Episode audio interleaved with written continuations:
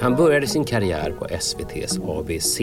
Sen gick han vidare till Aktuellt och så småningom flyttade han över till Sveriges Radio. Och där är det många som har hört honom om morgnarna.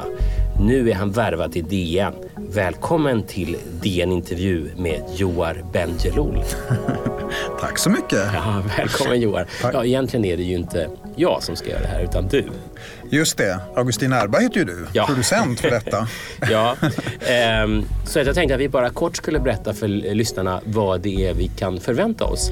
Eh, och, eh, och då har jag tänkt så här, det finns ju en jättelång intervju med dig eh, som gjordes i DN lördag förra året. Eh, och för den som vill lära känna dig bättre så tror jag att det är nog en bra väg att gå.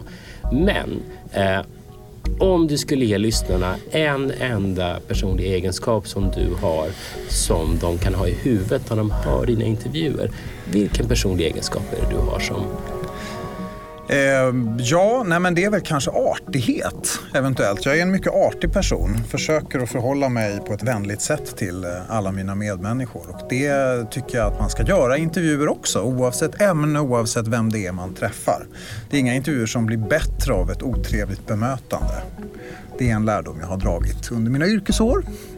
Och varför är den här artigheten viktig?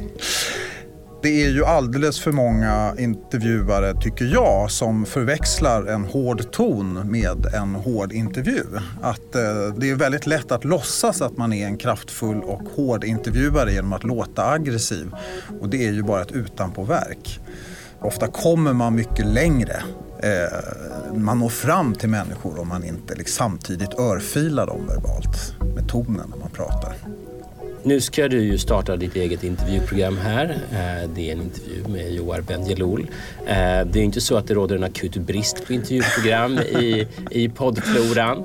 Då tycker jag att den egentligen enda rimliga frågan är så här. Vad är du mest rädd för i det här programmet?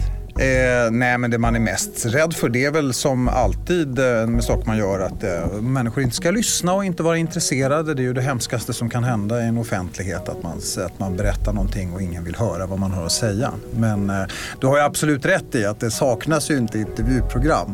Det jag tror att jag kan bidra med är möjligen ett visst mått av koncentration. Det finns ju väldigt många intervjupoddar som tar väldigt mycket tid i anspråk där man kanske har en övertro att tro på att mycket tid, nedlagd tid också ger en bra intervju.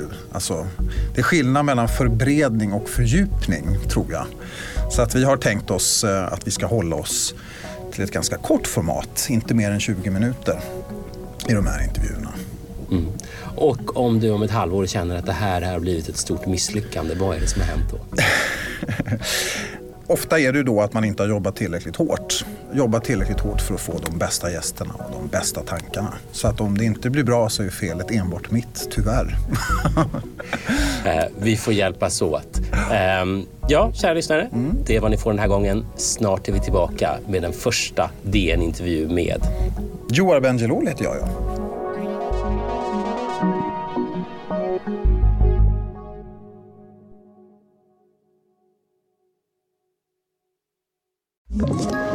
Ett poddtips från Podplay. I podden Något Kaiko garanterar östgötarna Brutti och jag, Davva, dig en stor dos skratt. Där följer jag pladask för köttätandet igen. Man är lite som en jävla vampyr. Man har fått lite blodsmak och då måste man ha mer. Udda spaningar, fängslande anekdoter och en och annan arg rant. Jag måste ha mitt kaffe på morgonen för annars är jag ingen trevlig människa. Då är du ingen trevlig människa, punkt. Något Kaiko, hör du på Podplay. Därför arkadeinerna.